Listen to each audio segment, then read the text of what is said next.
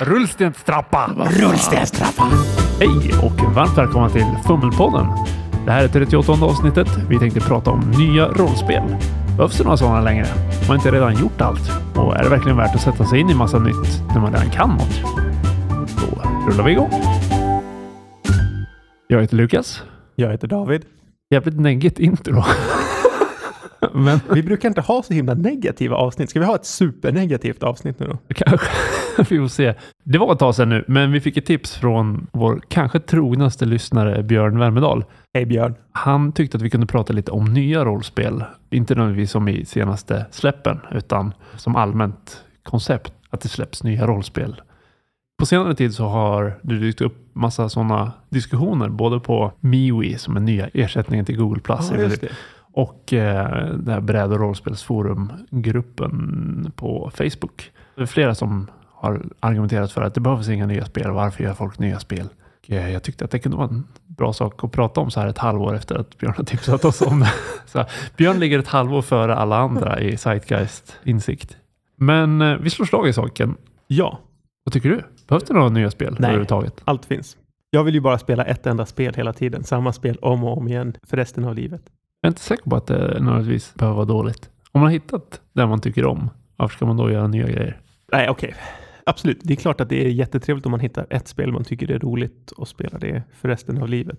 För kritiken är ju att det finns ju redan så sjukt många rollspel. Ja, Rollspel har funnits i flera decennier nu och ja, det är lättare att ta något som redan finns istället för att behöva börja om. Det är lite arrogant att tro att just jag har något nytt unikt att erbjuda som inte har skrivits tidigare. Det är kanske bättre att fortsätta bearbeta de här spelen som redan finns istället för att hamna ut nya system som folk måste lära sig. Fast är det inte det man gör när man släpper nya spel? Att man bearbetar det som redan finns och utvecklar det vidare. För det är väldigt få spel som är helt nya och har helt nya koncept och helt nya regler och inte är influerade av tidigare rollspel. Det är väl emot mänsklig kreativitet att skapa nytt. Och det går ju väl inte nästan. Nej. Eller ja, Det går bara att kombinera saker. som någon annan redan har kommit på. OSR-rörelsen är ju lite inne på det spåret, känns det som. Att de här gamla spelen är ett bra sätt att spela. Vi ser om vi kan tweaka till originalutgåvan av Dungeons and Dragons istället. Fast känns inte så OSR som att man hoppar tillbaka till en del av utvecklingen när den gick åt ett håll. Och sen så bestämmer man sig för att nej, men nu går vi åt helt andra hållet och ser vad det skulle bli. Ja, det här är ju inte varken din eller min grej. Men jag Nej. tänker det lite grann som att eh, man försöker, inte nödvändigtvis stanna kvar, men fortsätta det som pågick för ett tag sedan. Ja. Snarare än att man låter det sväva iväg till det här andra som det blev. Ja, men lite grann som du säger, det här är inte våran grej alls, men det jag kan på något sätt beundra och gilla med OSR är ju just den här, okej, vi såg hur utvecklingen blev en gång i tiden. Men vi vill liksom använda det som någon mall på vad vi inte ska göra när vi testar OSR. Eller vad. Nej, det är sant. Men det är lite husmanskost. Det ska vara lite som det var förr och det är inget fel med det. Nej, så min grundinställning är väl någonstans att alla spel och alla har rätt att skapa eller sådär. Men med det sagt så det är inte allt nytt som kommer som är bra.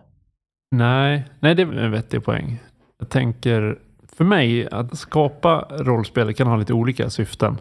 Ofta är det kanske att man inte är nöjd med det som existerar eller man har inte hittat något som man tycker att Nej, men det här är precis som jag vill ha det. Ja, Och då slipar man lite på det. Det är som om man köper hem en ny möbel och så tänker man nej jag ska måla den i någon annan färg eller vad det nu är för att den är inte precis som jag vill ha den. ja den är nära men inte Ja, helt precis. perfekt. Absolut. Det är ju en grej och så kan man börja modda den. Eller så, ja jag skulle vilja ha en sänggavel som ser ut så här. Ja det finns ingen sån sänggavel att köpa. Då köper jag virket och bygger en sån sänggavel själv. Och det är ju så här, det är inte att det är en bättre sänggavel än de som finns. Det är bara att jag personligen vill ha en sänggavel på det sättet just nu. Ja. Det är spännande, här, vi måste alltid vara så här, ja men allting är så subjektivt och det är så personligt vad som är bra och vad som är dåligt. Och så är det ju. Alltså det, Så är det. Men det blir väldigt svårt att säga någonting då om man säger att allting är bra ur rätt perspektiv. Vilket är nog vad vi tycker, men, men Ja. diskussionen blir svår. Ja, lite så. Det finns väl subjektiva kriterier och det finns kanske lite mer objektiva. Det jag tänker, om man har gjort ett spel där man egentligen har tagit ett spel som redan existerar och så har man bara bytt namn på några grundegenskaper och slängt in 12 färdigheter till och några extra feats och sen har man gjort orcherna bruna istället för gröna och sen Ja, är det okej att släppa ett helt nytt spel där det enda man har tillfört är en ny fantasyvärld att spela i? Och är det ett nytt spel då? Jag tycker det är inget problem att återanvända ett system med ny värld. Nej, nej, nej. Bara man ger cred till de som har gjort systemet då. Absolut. Och fördelen om man gör det är ju att helt plötsligt kan du hoppa in i den världen med systemet du redan behärskar om du har kunnat det sedan tidigare. Du öppnar ju upp fler dörrar. Om, om det bara skulle finnas ett regelsystem för rollspel. Det fick bara finnas ett. Ja, okej. Då Ja. skulle man ju kunna spela det i alla världar. Alla skulle behärska samma spel. Alla skulle kunna spela tillsammans. Alla skulle kunna... I Sverige är inte det basic roleplay system. Ja. Där vi har så här cyberpunk och fantasy och science fiction och skräck. Jo, lite så har det blivit. Sen har ju de färdigheterna olika namn och sådär. Om jag vänder på det, det är väl därför jag tycker att det kan vara befogat att ändra i system också. För att, att ha exakt samma system med exakt samma färdighetsnamn och exakt samma fördjupningar och vad det nu är i fantasy som i science fiction borde inte bli bra. Nej, det blir ju bara kulissen på något sätt som förändras. Och det är ju inte helt fel heller. Jag kan vara så här, jag gillar att förändra kulissen. Men jo, det, jo, men, du kan, men du kanske inte ska ha 12 olika närstridsvapenfärdigheter i en sci-fi setting. Det känns inte riktigt som... Nej, eller så här rida hästar och... Men i och för sig, GURPS har jag inte så bra koll på, men det är väl lite mer så att det är anpassat för att växla setting. Fate är också lite så. Ja, Där döper man ju färdigheter själv, så där anpassar man ju dem lite. Genesis är väl också något sånt där som ska passa alla världar. Men så det finns ju sådana system där det är tanken. ja. Men det blir väl också lite så här, ja men det är samma spelupplevelse. Det tycker jag är en jättebra poäng. För det är egentligen andra anledningen till att jag tycker att det kan vara värt att skapa nya rollspel. Det är ju Ja, om man vill fokusera på något annat, man vill ge en annan typ av upplevelse än det som redan finns. Om vi säger att då BRP är det enda som finns och så Ja. kommer någon med Power by the Apocalypse. Då får man en helt annorlunda upplevelse när man sätter sig och spelar. ja men precis. Då var det med fiasko för min del i alla fall. Att det hade varit väldigt mycket BRP-fokuserat i ja. olika lösningar. Och sen testade jag på fiasko och helt plötsligt var det, ja, så här går det att spela rollspel också. Har jag inte reflekterat kring. Nej, du inledde med att säga, är det inte lite så arrogant att tro att man kan komma och förändra någonting? Och nej, jag tycker inte det, för det sker ju faktiskt förändringar. Och nya idéer kläcks ju. Absolut. Det som är argumentet mot att man ska nöja sig med att spelen redan ser ut som det är, det är ju det är väl ett felaktigt Henry Ford citat, men det är för bra för att inte sägas i alla fall. Inför att han uppfann bilen så hade jag frågat folk vad de ville ha så hade de sagt en snabbare häst. Ja, det är svårt att föreställa sig någonting man vill ha om inte det finns än. Och just för min del var det ju som med fiasko att jag hade inte kunnat riktigt föreställa mig att man kunde spela rollspel på det sättet och det kan ju bero på dålig fantasi hos mig. Men det introducerade lite mer det här indieflummiga. Ja, och nya idéer och nya perspektiv kan man sällan komma på själv, utan det är ju utbytet med nya idéer, nya tankar, andra sätt att se på det. Och de spelen som är nyskapande är ju också bara kombinationer av saker som finns eller har lånat influenser från något annat område eller sådär. Ja, Men det ger ju fortfarande en ny upplevelse. ja men verkligen. Så att, att ändra i ett system som redan finns, det är ju att förbättra upplevelsen. Och det är ja. nästan alltid subjektivt. Ja, men absolut. Men att kombinera alternativa idéer till ett nytt system är ju mer objektivt befogat kanske för att det ger en ny upplevelse.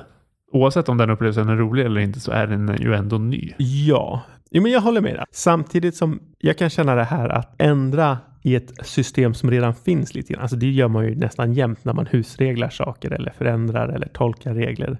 Det är en bra poäng. Och det tycker inte jag heller är något problem. För det är ju omöjligt att förutse alla situationer, alla spelgrupper, alla viljor som dyker upp i ett Ja, om man ska vara lite mer eh, rimlig så oavsett om vi bara hade haft BRP eller vi hade bara det här enskilda rollspelssystemet som alla kunde. Jag sa att då skulle alla grupper kunna spela tillsammans och sådär. Det stämmer ju inte. För att man skulle börja husregla och man skulle tolka skrivelser olika och man skulle ha hört saker från den man lärde sig av som inte riktigt stämde och till slut så har man dialekter av samma Ja, system. så är det ju. Och till slut så pratar någon en så konstig dialekt att det är danska.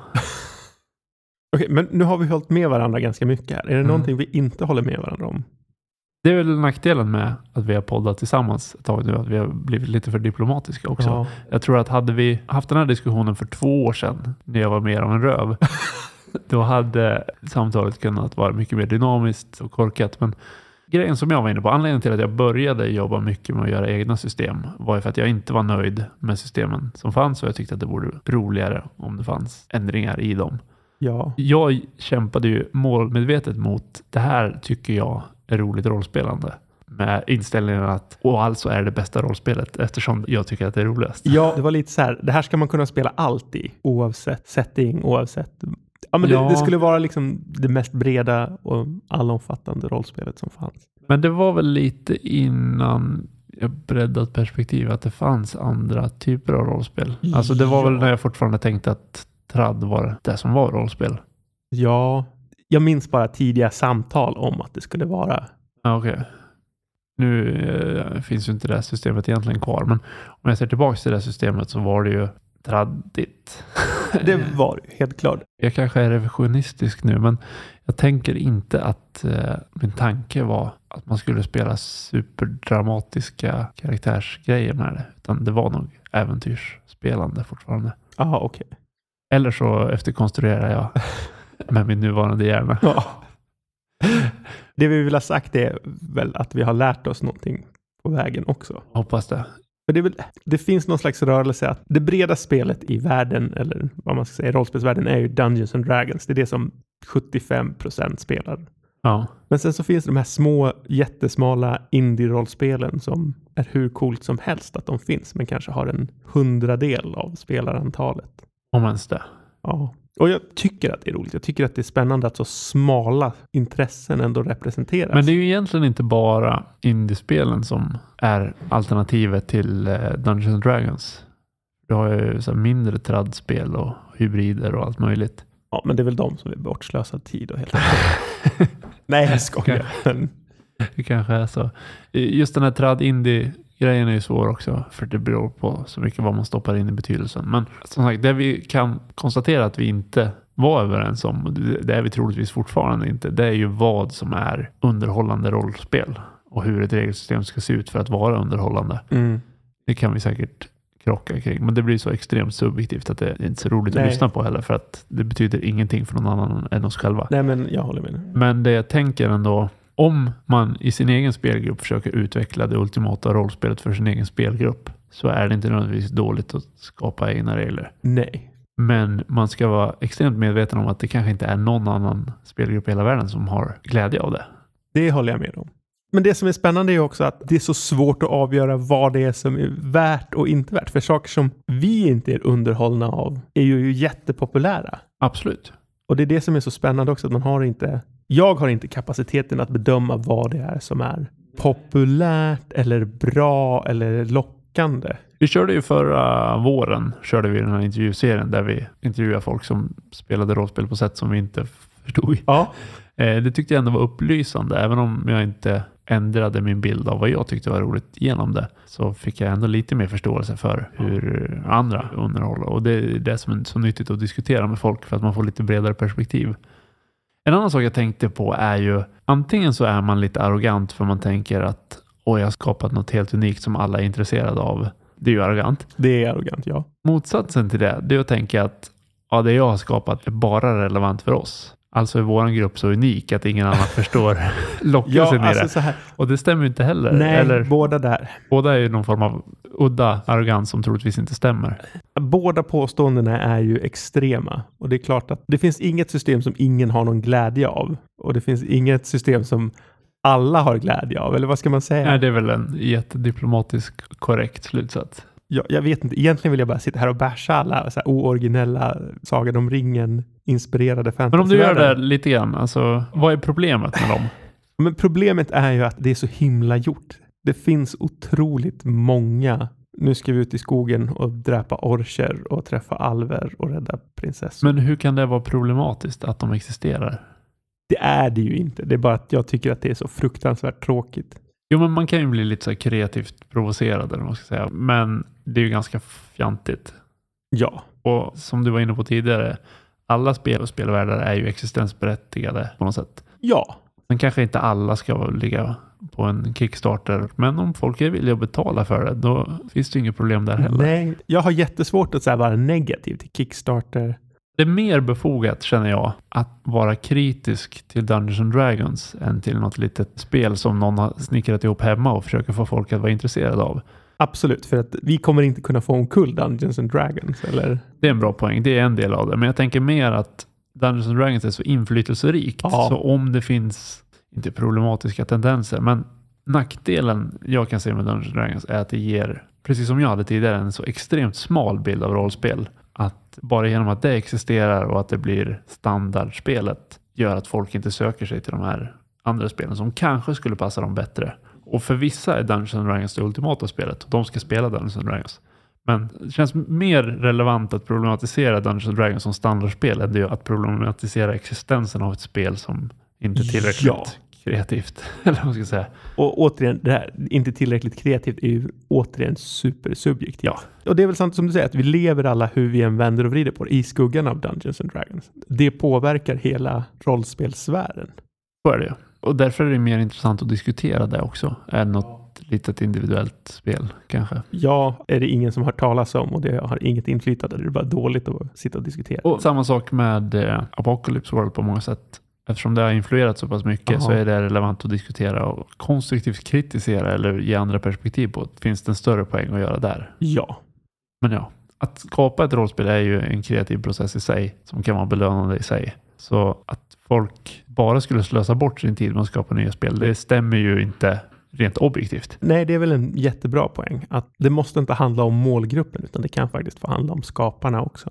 Och även om skaparen försöker pracka på folk sin skapelse, behöver inte det vara problematiskt. Alltså det är bara att inte lyssna. Ja. Eller, Eller, alltså, så här, jag har så svårt att se hur man skulle pracka på någon sin skapelse i det fallet. Alltså, åka på ett konvent och prata lite för mycket om. Eller nej, alltså jag kan ju verkligen inte här, se hur man prackar på någon. Som innan man inte börjar köra så här spamkampanjer och, och Ja, nej, Ja, men, nej, ja, men det är nej, ju oavsett bara hypotetiskt och jag håller med dig. Det är svårt att visualisera. Hur kan det vara så problematiskt att ett spel existerar och att någon vill visa upp det spelet? Att man ska uppmana folk att sluta göra egna spel. ja. Sen absolut, om man bara byter namn på färdigheterna, är det ett eget system då? Troligtvis inte. Det är väl bättre att kalla det ett hack av ett existerande system och inte ta cred för att ha uppfunnit hjulet igen. Nej men absolut. Jag tycker så länge man är ärlig med sin inflytelse och Ja, alltså det spelar ingen roll. Även om du skulle ha skapat något unikt så finns det fortfarande ett värde i att lyfta fram dina inspirationskällor. exakt, exakt. Det är inte lika viktigt som om man har snott något, eller vad ska jag säga. Men dels är det intressant och informativt och dels det finns ju någon form av ärlighet i det också. Ja. En viktig sak tycker jag också att det finns ju någon slags nöje i nyupptäckande. Det har jag varit inne lite grann på, men jag tror att alltså, det är väl därför jag gillar nya spel överhuvudtaget. Att man upptäcker någonting nytt, man hittar nya sätt att se på saken. Man känner igen influenser, man ser hur andra har tänkt på samma saker som man själv har tänkt på och kommit till andra slutsatser. Och bara det tycker jag kan vara ett nöje. Jo, men lite omväxling för nöjer finns det ju helt klart i det också. Ja, Problemet är ju om man kan ett system bra och har roligt med det och så ska man testa något helt annat. Då kräver det massa energi och det är besvärligt att sätta sig in i nya spel. ja det är det. Absolut. Och framförallt, det tar ett tag innan man spelar spelet som det är tänkt att spelas. Om man någonsin uppnår det.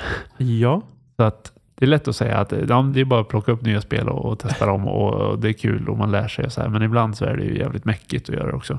Absolut. Men det absolut. finns fortfarande ingen som tvingar dig att göra det. Så att om det finns två miljarder spel så testa de man är intresserad av tänker jag. Ja, min fråga är där också, är premissen, måste ett spel spelas för att det ska ha en existensberättigande? Bra fråga. För det finns ju absolut spel som har influerat mig som jag aldrig har spelat. Har du något exempel? Burning Wheel, Okej, ja. Dungeon World. ja. Nej, jag var Ja, bara nej, nyfiken. alltså, så- ja, Men så är det ju och, och det kan jag känna ibland det här du beskriver med att upptäcka ett nytt spel och få nya perspektiv på saker och ting. Det behöver inte nödvändigtvis spelas för att man ska få det. Utan Nej. ibland kan man bara ugna igenom en bok och tycka det här var en frän grej. ja, Men fördelen som man får av att faktiskt testa ett nytt spel och, och verkligen förkovra sig i ett nytt spel, det är ju att du får helt andra verktyg att interagera med fantasin och dela ett imaginärt utrymme och allt vad det är. Alltså får en annorlunda rollspelsupplevelse. Man ser det från ett nytt håll och har man tur så kan man plocka med sig saker till andra sammanhang och annat spelande. Eller så får det bara vara. Det där var en annorlunda upplevelse, nu lämnar vi det där och sen rör vi oss vidare i livet. ja, för sådana upplevelser har vi ju också haft. Absolut. Där man känner det här var inte min grej. Nej. Vi har ju pratat lite om det, men förra året testade vi på extremt mycket nytt. Ja. Kanske för mycket i backspegeln. Det var få spel som vi verkligen kom igång och spela. Utan det var väldigt mycket av den här startsträckan. Och på sätt och vis lite som relationer. Det är lätt att vara nyförälskad, men den där nyförälskelsen är ju inte så här superkonstruktiv eller värdefull. den är mer förvirrad och eh, charmig än den är extremt givande. Ja, Det jag gjorde förra året var ju som sagt testa på mycket nytt och aldrig liksom landa i något stabilt, vilket gick ut över min njutning av rollspel. aha. Subjektivt, återigen, men jag tror att det kan finnas ett värde i att eh, ha någonting att återvända till eller någon slags trygg grej. Inte bara testa nya saker hela tiden. Nej, det köper jag. Alltså så här, det är trevligt att vara på semester, men det är skönt att komma hem igen. Ja, men lite så. Det finns ju en stark vilja i vår grupp nu att spela lite mer traditionellt och lite mer som vanligt. Och jag tror att vi alla känner det efter att Den där reseliknelsen är för jävla bra. För att det blir verkligen, ja man sover på hotell, man äter på restaurang, man vet inte var man ska, man känner ingen, man kan inte prata språket. Men det är spännande att se nya miljöer. Ja, Men efter ett tag så bara, ah, vad skönt att bara få hem och sova i sin egen säng och ta sovmorgon och gå upp och äta sin standardfrukost och hälsa på sina kamrater. ja. Jag vet inte om vi spelar traddigt. Vi spelar med nyspelare och han sa det, att han tyckte inte att det var så traddigt. Så jag tänker att det kan vara subjektivt om vi faktiskt spelar traddigt eller inte. Ja, Det är mycket äventyrande i alla fall. ja, det är mycket äventyr. Och allting är in character också. Vi hoppar aldrig ur karaktärerna för någon annan mekanik. Det är sant. Och det är väl det jag, jag tycker att det upplevs som traddigt kanske. Mm. Som sagt, det beror på hur man definierar Ja. trad och indie och det behöver vi inte djupdyka i. Men oavsett, så nu har vi någonting som vi har testat på som flyter på lite mer. Och då är det ändå lite nytt regelsystem, lite ny värld, men det finns ändå något bekant över det. Ja, och det är väl spännande då också. För även nu när vi säger att det är lite traddigt så är det ju fortfarande influerat av många lärdomar vi har dragit sedan tidigare. Ja, helt klart. Ett tydligt exempel är att vi gemensamt skapade karaktärerna nu istället för att alla kom med en egen karaktär och sen presenterade den för varandra. Ja, precis. Många olika influenser. Och sen är det lite Blades in the Dark på sistone, lite Ja. Apocalypse World. Det blev lite Dungeons and Dragons när vi testade det. Lite Masks när vi testade det. Det är väldigt här, små bitar som har stöpts om för att passa något annat. Och där någonstans, om jag skulle kalla det ett hack av någonting, då vore det nästan där mer oärligt. Ja, du får lämna en så här litteraturlista i slutet. Och det är inte unikt, men någonstans blir det ju åtminstone befogat att vara sin egen grej. absolut, absolut. Men det är väldigt svårt att säga när ett spel är befogat att vara sin egen grej. Eller när det är ett hack eller när det är en uppsättning husregler till ett existerande system. Jag vet inte om det är en intressant definition att Nej, göra. Men Ja, alltså, jag håller med. Det är svårt att göra den definitionen. Som du säger, jag vet inte om den är så intressant. Det intressanta är väl att alltså jag är positiv till skapande. Oavsett om det bara är att man skriver ett monster och hittar på en statline till Dungeons and Dragons eller om man skapar ett helt nytt system från grunden så tycker jag allting är värt. ja, jag håller med. Men det är ju det som är lite intressant. Då. Är det bättre att bara skapa nya monster till Dungeons and Dragons, första utgåvan? Skapa nya världar, nya platser, nya dungeons, nya föremål. Om det var det enda som skapades så skulle jag säga nej. Då hade det behövts något nytt, någonting annat som Okej. skapades. Men om det fanns tio olika spel Så behövs det ett elfte och ett tolfte Alltså, och ett trettonde. Och det ett så? fjortonde. Ja, jo men ja, jag tycker nog det. Som jag tror, återigen det här med, det är svårt att visualisera vad det är som saknas eller vad man vill ha. Så om man skulle sätta gränsen vid 10 eller 11 eller 12. Man behöver kanske de där 150 för att det ska dyka upp ett som är så här, ah, men det här var annorlunda, det är värt någonting. alltså, utöver skapande berättigandet.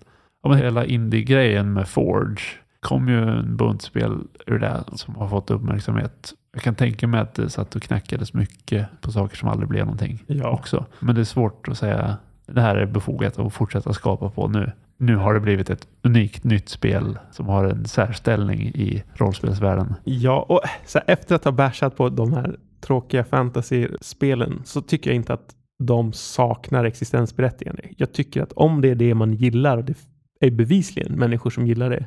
Jag tycker till och med att så här e- erkänt dåliga spel som så här Fatal har ett existensberättigande. Ja, det är väl någon sån yttrandefrihet, existensberättigande. Vi ska inte säga att det är ett bra spel. Det kan värderas, men man ska inte hindra folk från att skapa. Nej, men precis. Jag slogs av nu det här med Tolkien-pastischer och även regelhack. om man skulle modifiera Tolkien-världen eller modifiera BRP, säger vi, då är man alltid lite bunden av vad det är från början. Hur mycket får man ändra? Kan man slänga in att det vore roligare om det där landet låg på något helt annat ställe eller det vore roligare om Orcher var intelligentare och mer sympatiska. Personligen subjektivt skulle jag vilja hävda att om du gör Orcherna nyanserade i Sagan om ringen så håller de inte längre. Det är inte längre Tolkiens värld. Det där är spännande, för det där är någonting Tolkien själv vill ändra på. Han ångrade att orcherna var kategoriskt onda. Det är väl rimligt, tycker jag, på många sätt. Men, men, men, men, men jag håller nog med om det du säger. Ett annat exempel är ju om man gör Sith alldeles för nyanserade och snälla i Star Wars så händer det något problematiskt där också. Tycker inte att så här, Jedis kontra Sith är en jättebra konflikt. För Jedis är inte tillräckligt goda och Sith är inte tillräckligt onda för att det ska funka helt ut. Men det är väl lite prequel som saboterar det, eller? Ja. I originalet så är det verkligen det är en osympatisk elgubbe med en planetsprängarmaskin. Och totalitär fascist. Ja, Ja. okej, ja. Så det, känslan i Star Wars är ändå gott mot ont och det är samma Så, ja. i Tolkiens Middle Earth. Så att om du ändrar på de grundkoncepten då har du gått så pass långt ifrån och då börjar folk kritisera det och, och klickar inte med helheten och du kanske känner att du är inne och trampar på någons grav eller vad man ska säga. Ja, fast det finns ju de som har vänt på det också. Jo, men det är där jag menar att om du här, nej men det här är inte Middle Earth. Det här är inte Star Wars-universumet. Det här är mitt eget. Men det råkar finnas ljussablar, det råkar finnas orcher och alver. Eller det här är inte BRP, men det råkar finnas grundegenskaper.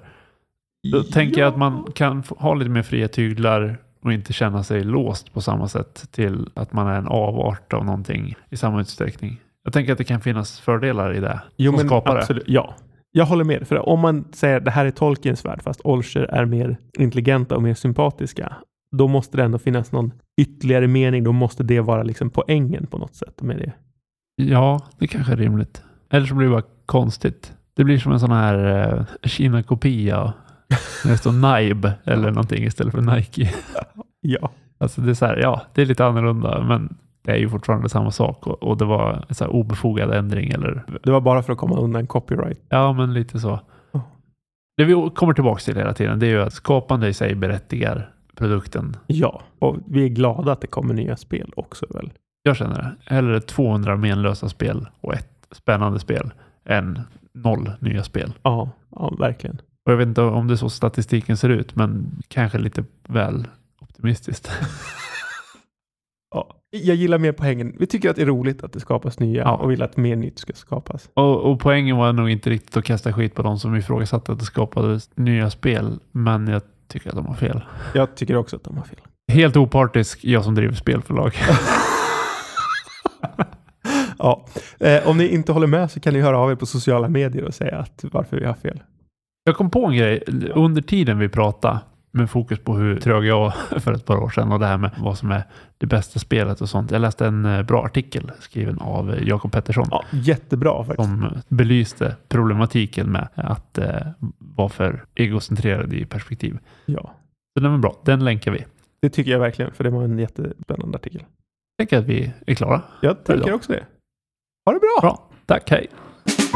Du har lyssnat på Fummelpodden som presenteras i samarbete med Studiefrämjandet. Du får gärna gilla vår Facebook-sida eller kanske följa oss på Instagram. Länkar finns i avsnittsbeskrivningen. Har du feedback eller tips på ämnen? Gör gärna av dig via sociala medier eller skicka ett mejl till info@fummelpodden.se.